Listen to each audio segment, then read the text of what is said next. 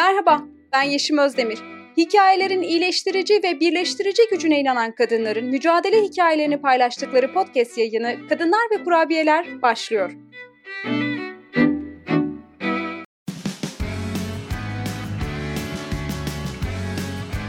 Oku, dinle, izle. Kısa Dalga.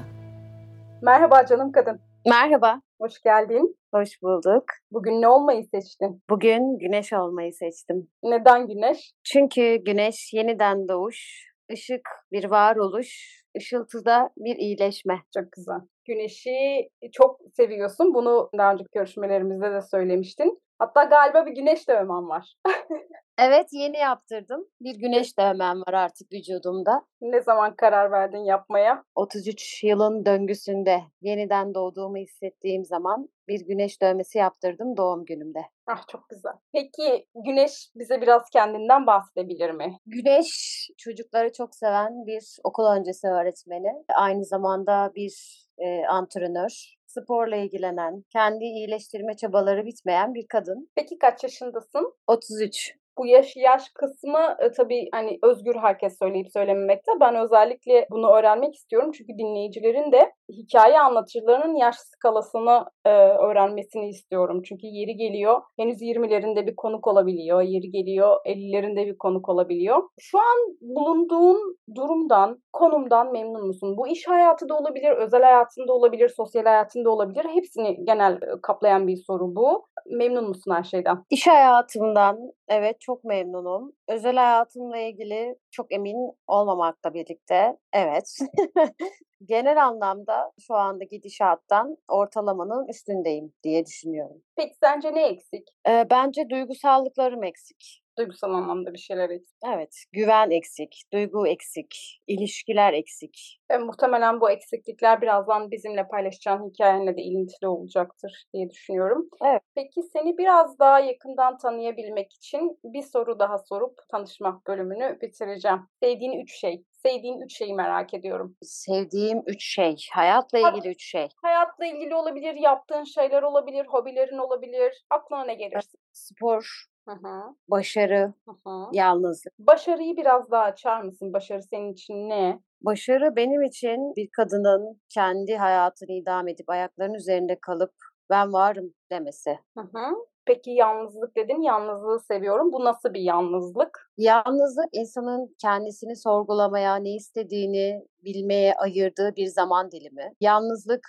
bir iyileşme dilimi. Herkesin kendisine ayıracağı bir e, zamanı ve yalnızlığı olmalı diye düşünüyorum. Peki burada kastettiğin yalnızlık kendinle baş başa olmak mı? Evet evet kendimle baş başa olmak, kendimi dinlemek, ruhumu dinlemek, ne yapıyorumu bilmek. Peki sevmediğin üç şey desem? E, aslında şöyle bunu söylemeyi sevmiyorum ama çaresizlikten nefret ederim. Korku ve endişe. Hep duygu saydın sevmediğin şeyleri söylerken. Bunu merak ettim. O yüzden biraz üstüne konuşmak istiyorum. Çaresiz. Kalmak mı sevmediğin şey? Çaresiz hissetmek mi? Çaresiz kaldığında zaten çaresiz hissediyorsundur diye düşünüyorum. Çaresizlik kelimesi zaten insanın içerisinde bir his uyandırıyor. Bir titreşim gibi, bir korku gibi. Bunlar birbirine bağlantılı. O yüzden bu kelimeden hiç hoşlanmıyorum ve bu duygudan hiç hoşlanmıyorum. Duygusundan da çaresiz kalmaktan da hoşlanmıyorsun. Evet. Korku dedin. Bu da aslında bir duygu. Biraz da bunun üzerine biraz konuşmak ister misin? Bu da özür dilerim birbiriyle bağlantılı olduğunu düşünüyorum. Yani bu çaresizlik hissiyatının getirdiği bir korku, korkunun getirdiği bir endişe. Bunlar zincirleme devam ediyor. Peki kendinle ilgili bilmemizi istediğin başka bir şey yoksa bu tanışma bölümünü burada bitiriyorum. Tamam.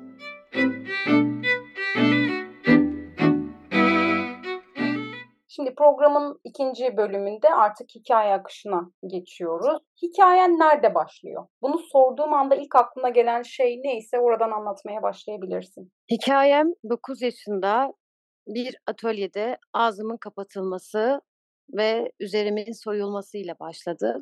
Ee, bu benim için zor, anlatması güç bir olay. Öncelikle Ee, şu uyarıyı yapayım seni de rahatlatmak için. Kendini kötü hissettiğin an arada verebiliriz, yayını kapatabiliriz. Bu uyarıyı dinleyiciler için de yapmak zorunda hissediyorum kendimi. Önemli olan senin kendini iyi hissederek e, bize bu hikayeyi paylaşmış olman. Hatta bu dersen şunu sorayım. Sen bu hikaye bizimle niçin paylaşmak istedin? Bu bir aslında iyileşme yolculuğu. Konuşmak, paylaşmak aslında bu yolculuğun en büyük aşaması olduğunu yaşadığım için bunu yaşayabilecek ya da yaşamış birilerine öncülük edebilmek büyük bir arzum. Ee, o sebeple paylaşmak istiyorum. Hı hı. Bir de yayın öncesinde konuşurken bana şey demiştin. Çok uzun süre sessiz kaldım. Ben sessiz kalmak istemiyorum artık. Bunun da bir parçası olabilir mi bu paylaşım? Evet çok uzun süre sessiz kaldım ve bu sessizliğin bana hiçbir şey getirmediğini, aksine bir yük olarak beni hasta ettiğini, beni daha çok dibe çektiğini gözlemledim. Ve oradan çıkacağım en büyük adımım da konuşmak, paylaşmak. Sen suçlu değilsin. Ee, burada senin bir suçun yok. İyileşme sürecindesin. Ya sana ait olmayan bir sürü şeyler. Bu yüke atıyorum, atmayı tercih ediyorum. Bunu da sürekli anlatmaya çalışıyorum düşünüyorum. Umarım e, bu yayın bir ölçüde e, yükünü hafifletir. Şimdi tekrar o anlattığın kısma geri dönelim hazırsan. Hikayen nerede başlıyor dedim. E, bir atölyede dedin. Nasıl bir atölye bu? Burası bir imalat atölyesi, bir mobilya dükkanı ve ben 9 yaşındayım. Bir çırak, bir mobilyalar, koca dükkan, bir boşluk ve bir karanlık. Soru cevap olarak gidersek belki daha iyi cevaplayabilirim. Tamam nasıl rahat hissedersen. Çıraktan bahsettin. Mesela bir iki gün öncesine gitsen o çırağı, o atölyeyi düşünsen neler aklına gelir? Şimdi hep korktuğum bir figür, sürekli e, bir şeyler koklayan, bir şeyler içen bir figür e, ve bunu aileme sürekli izah ediyordum, babama da söylüyordum. E, baba ben korkuyorum, bir şeyler kokluyor, gözleri değişik bakıyor gibi ifadelerde bulunuyordum. Ama bu süreçte beni çok dinleyen olmadı. Peki tamam o ana tekrar geri dönersek nasıl oldu da birdenbire senin kıyafetlerini çıkarmaya başladı? Ee, annem pazara gitmişti. Kız kardeşimi yanında götürdü. Ben evde yalnızdım ve annem pazara giderken kapının önünü süpür dediğini hatırlıyorum ve ben çok özenirdim öyle anneme. Kafama bir şeyler bağlayıp elime bir süpürge alıp kapının önünü süpürürken e, abinin gelip bana e, abicim mobilyanın üzerinde bir tornavida kaldı bana yardımcı olur musun demesiyle süpürgeyi bırakıp e, atölyeye girdim. Çünkü atölye ve evimizin giriş kapısı aynı yöne doğru bakıyor. Sadece arada küçük bir paravan var. E, abinin yanına gittim ve beni kucaklayıp mobilyanın en üst bölümüne doğru uzattı. Tornavidayı aldığımda aşağıya indirmesiyle beni ağzımı kapatıp dükkanın bir köşesini doğru sıkıştırması bir anda oldu. Ve hatırladığım ön tarafının açık olduğu çünkü arkamda bir hissiyatım vardı. Ee, üzerimi soymaya çalışıyordu. Sağ ile ağzımdaydı. Diğer eliyle de bana saldırmaya çalışıyordu. Tamam bu, bu konuda daha fazla bir şey sormayacağım. Sadece şu an şu yaşınla, yetişkinliğinle o anı düşündüğünde ne hissediyorsun? Omuzlarımdan aşağı bir hissiyatsızlık, bir düğümlenme, bir ağlama hissiyatı. Peki oradan nasıl çıkabildin? Orada çok ciddi bir mücadelem vardı e, çok çırpınıyordum. Yani yanlış bir şeylerin olduğunu farkındaydım. Çünkü ağzım kapalıydı, bağıramıyordum. Bağırsam beni kimse duymuyordu. E, ağzımı olabildiğince büyük açtım ve ısırmaya çalışıyordum elini. Hatırlıyorum dişlerimin geçtiğini ve kanadığını. Sonra ağzımdaki elini bir can havliyle çekmek zorunda kaldı. Çünkü canı çok acıdı. Çok korkuyordum ve gerçekten nasıl ısırdığımı hatırlamıyorum. Tabii ağzımdan elini çekmesiyle bedenimin daha özgürleşmesi ve daha kuvvetli olma geldi bana ve sonra elinden kaçıp eve kendimi atıp evin kapısını kapatıp arkasına yaslandığımı sadece hatırlıyorum ve orada uzun bir süre kaldığımı hatırlıyorum. Peki eve annen, baban ya da kardeşin geldiğinde ne oldu? Bunu hemen anlatmak istedin mi? Hayır, ben sonrasında çok uzun bir süre sessiz kaldım. Çok uzun bir süre ne olduğunu anlayamadım. Ne yaşadığımı anlayamadım ne olduğu sadece kötü bir şey olduğu hissiyatı vardı ve kimseye anlatmamam hissiyatı vardı ve kimseyle bir şey paylaşmadım. Sadece gün değil, haftalar, aylar, yıllarca kimseye. Hiç bir an olsun aklına geldi mi ya anneme söylemeliyim ya da babama söylemeliyim, birine söylemeliyim gibi bir duygun oldu mu hiç? O duygumun olduğunu hiç hatırlamıyorum. Sadece çok kilitliydim. Beynim çok kapalıydı ve 9 yaşında bir çocuk olarak hiçbir şekilde okulda bir şey anlamadığımı, çevrede hiçbir şeyi duymadığımı, sanki her şey sessizleşti ve her şey bir karanlık oldu.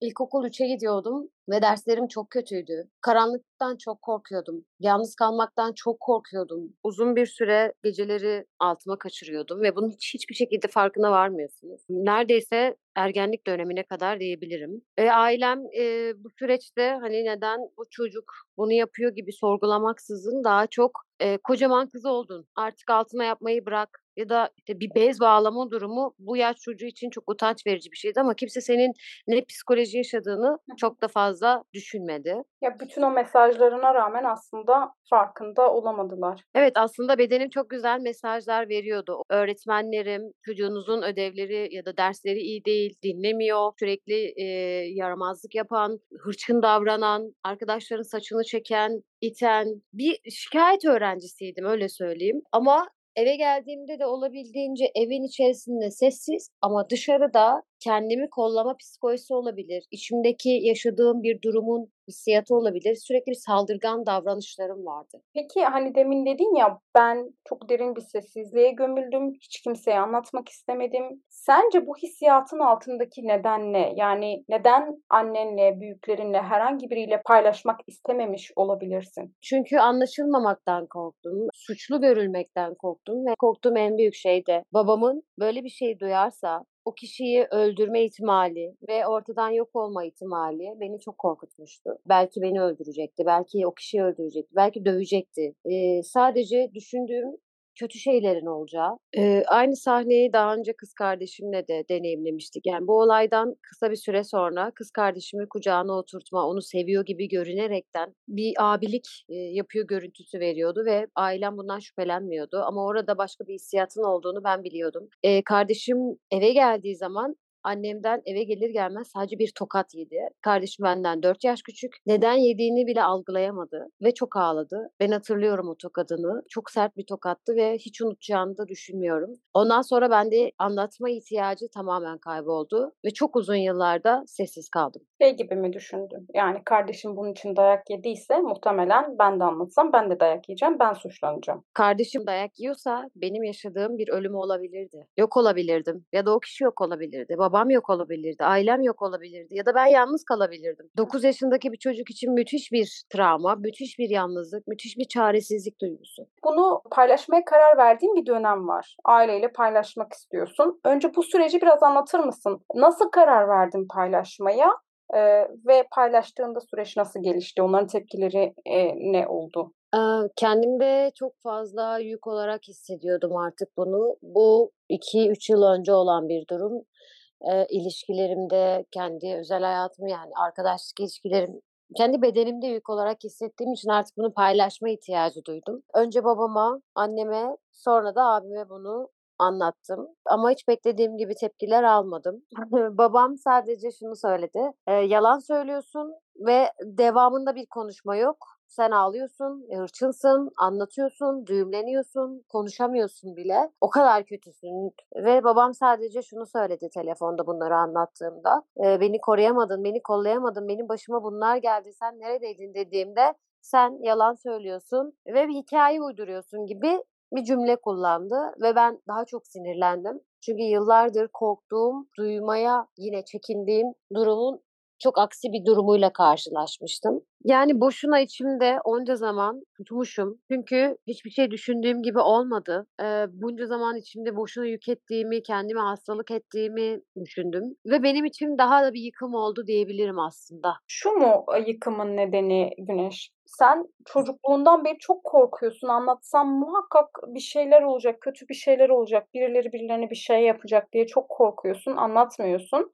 Tamam e, sana inanmayacaklar korkusu da var, belki seni suçlu bulacaklar korkusu da var ama bir taraftan da bir ya anlatırsam birine bir şey yaparlarsa, benim yüzümden kötü şeyler olursa diye korkuyorsun. Hayal kırıklığının nedeni aslında sana inanmayacaklar ve korktuğun gibi de bir şey olmayacak. Hayal kırıklığının nedeni bu muydu? Yani hayal kırıklığımın sebebi babamı her zaman e, o adamı gider öldürür bir şey olur ve babam da ortadan kaybolur hapise girer gibi çocukluk düşüncen, ailenin kopması, abinin seninle ilgili duygusu, annenin aynı şekilde ortada kalması gibi hissiyatlar. Ama hiçbir şey düşündüğüm gibi olmadı. Hiç kimse benim duygumu, hissiyatımı ve düşüncemi paylaşmadığı gibi hiç kimse sormadı bile. Sonrası hikaye, ya hikayenin sonrasında da beni arayıp hiç kimse bunu sormadı. O telefon kapandı ve o olay orada kaldı ve üzerine şu anda 2 ya da 3 yıl geçti. Hala da hiç kimse hiçbir şey sormadı. Peki sen şimdi e, bir iyileşme sürecindesin. E, birkaç yıl önce başlayan, hala devam eden bir iyileşme süreci içindesin. Ailenin bu desteksizliği iyileşme sürecini nasıl etkiledi? İlk başta o telefon görüşmesinden sonra çok bir yıkım oldu. Önce dibe vuruş, sonra dipten kendi mücadelenle çıkış olarak aslında destekledi. Orada ailemin bana yaptığı şey acı vermek dışında başka hiçbir şey değildi. Yani kendi güçlendirmemi destekleyici oldu. Aslında düşündüğüm kadar aile desteği alamayınca bu zamana kadar hissettiğim aile ilişkileri koptu. Aile kutsallığı orada benim için bitti. Kendimle ilgili sürecim başladı diyebilirim. Yalnızdım. Yalnız olduğumu daha net gördüm ve yalnız bir mücadeleye başladım. Evet, bu aile kutsallığına değinmen iyi oldu. Anlattığın hikaye vesilesiyle belki aile kutsallığını konuşabiliriz. Ya toplumda bizim gibi toplumlarda çok fazla kutsal olduğu için belki bu pro- problemler, bu sorunlar konuşulmak yerine bu kadar hasır altı ediliyor. Bir kere aile kutsallığı çocuk istismarında sık sık karşımıza çıkan bir şey. Aile bizim için çok kutsal ve diyoruz ki aslında çocuk aile içinde şiddet görüyor. Çocuk aile içinde istismara uğruyor. Çocuk ebeveynleri tarafından ihmal ediliyor. Sevgisiz büyüyor. Ee, yani ailenin nedeni olduğu bir sürü yaralar taşıyor çocuk. Ama bizim için hala aile kutsal, işte anne kutsal, baba kutsal. Bütün bu kutsallıklar bunların tartışmasının da önünde bir engel oluyor. Belki de hani bu kutsallığı bir kenara koyup gerçeklikle bunları e, tartışabilmemiz lazım. Anne baba çocuklara da zarar verebilir. Anne baba çocuğun hayatında derin izler bırakabilir. Onu istismar edebilir. Ama biz aile kutsallığı yüzünden bunları konuşamadığımızda o çocuğu derin bir karanlığa da mahkum etmiş oluyoruz.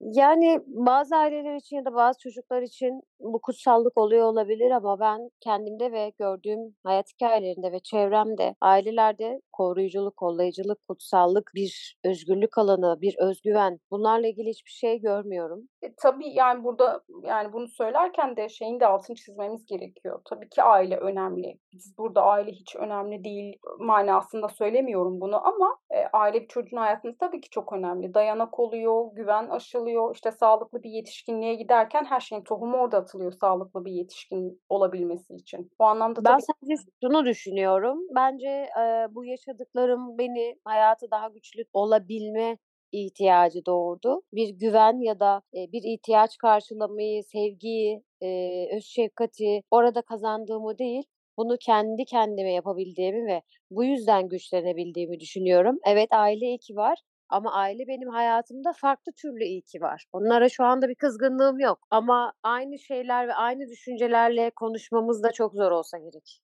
Bu bölümde biraz e, iyileşme sürecine, mücadele sürecine odaklanmak istiyorum. Aslında bütün bu anlatıların ardında o mücadele süreci bizim için çok değerli oluyor. Onu paylaşmak çok değerli oluyor. E, çünkü inanıyorum ki e, benzeri e, şeyleri yaşayanlara bir ışık da oluyor. E, bir yol haritası da oluyor belki. Öyle umut ediyorum. Şimdi bir iyileşme sürecin e, başlıyor. Birkaç yıldır da devam ediyor. İyileşme sürecinin e, ilk aşamalarını ve şu an bulunduğun noktadan nasıl hissettiğini bir, biraz anlatabilir misin?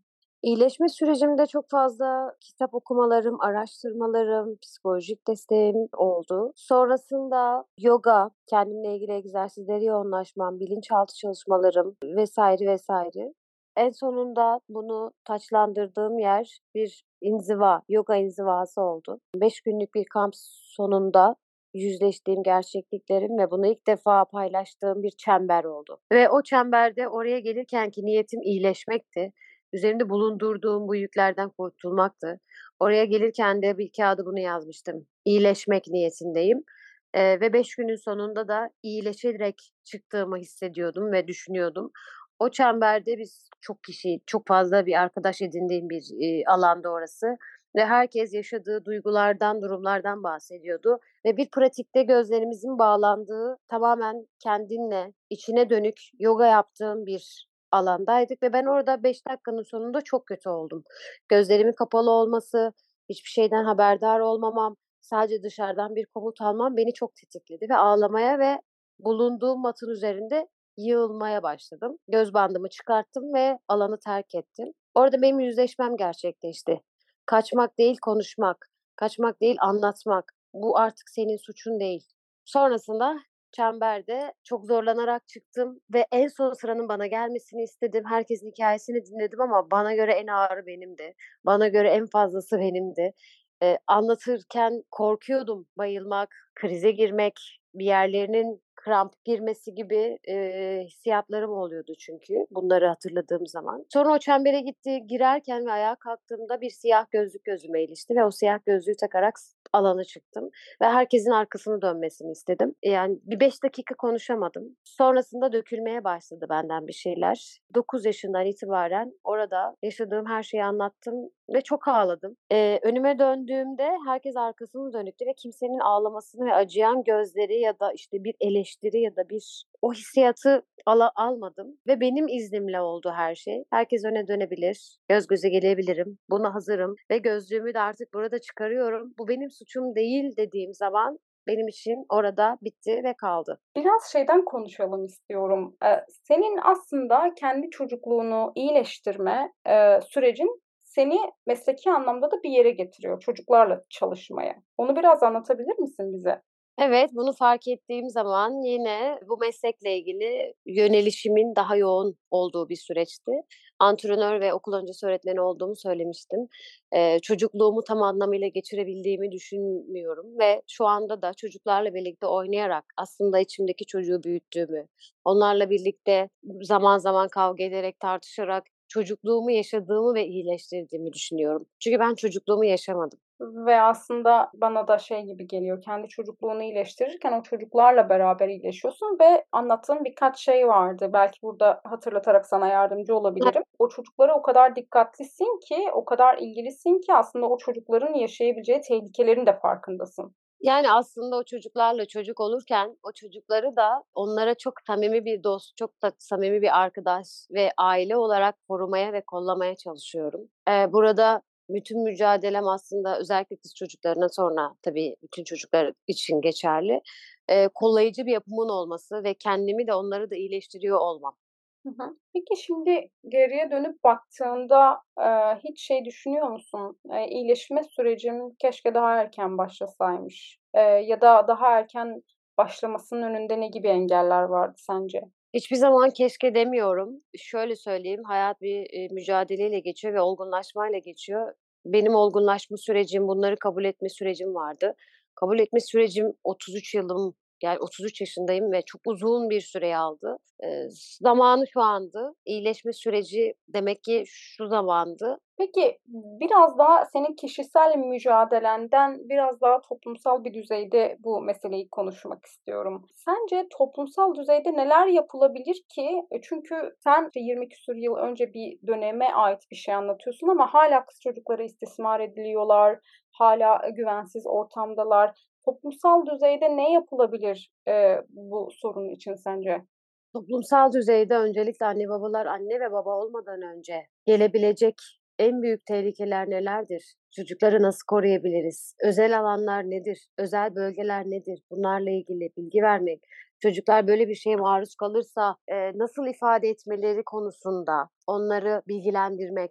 Kimler vücudunda nereye dokunursa kime ve nasıl yardımda bulunabileceklerini öğretmek gerekiyor. Bu çok önemli bir detay. Bizlere hiçbir şekilde bu bilgiler verilmedi. Aslında bu bu bilgiler niye verilmiyor Güneş biliyor musun? Ee, cinsel tabularla ilgili. İşte demin aile kutsallığını konuşuyorduk ya benzeri bir e, tabu nedeniyle de cinsel tabular, cinsellik büyük bir tabu bu toplumda konuşulmuyor. Cinsellik genel itibariyle konuşulmadığı için e, cinsel eğitim de e, aynı oranda hem ailede verilmiyor hem okulda eğitimde de eksik kalıyor. Aslında bu cinsel tabuları da biraz aşmamız, bunları daha çok konuşmamız, tartışmamız o kız çocuklarını da daha çok e, sadece kız çocuklarını değil tabii ki erkek çocuklarını da daha çok koruyacak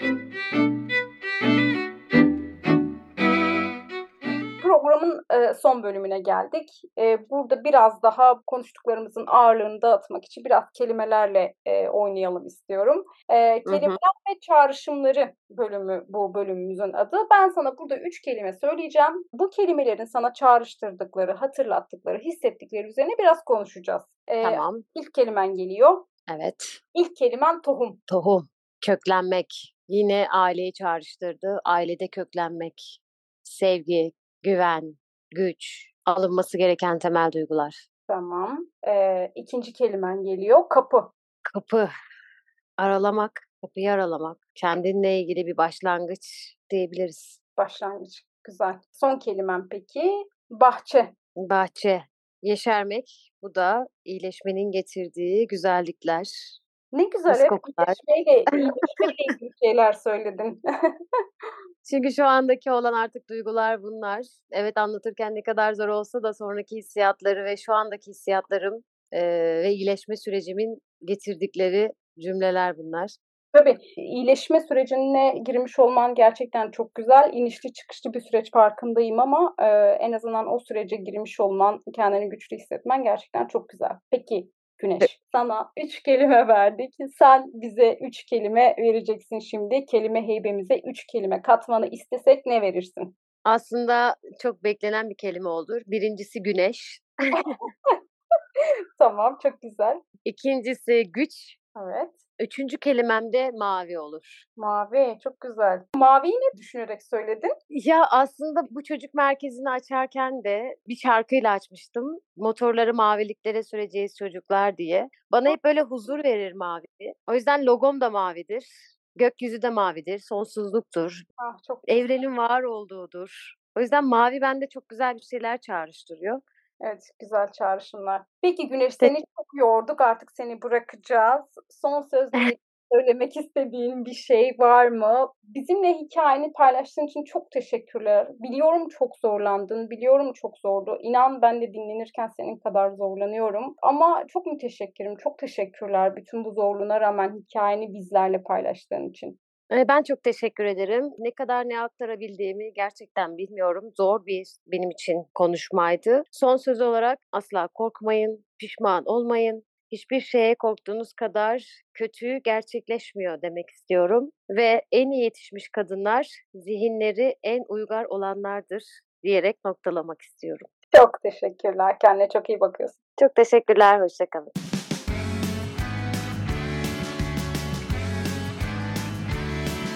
Kulağınız bizde olsun. Kısa Dalga Podcast.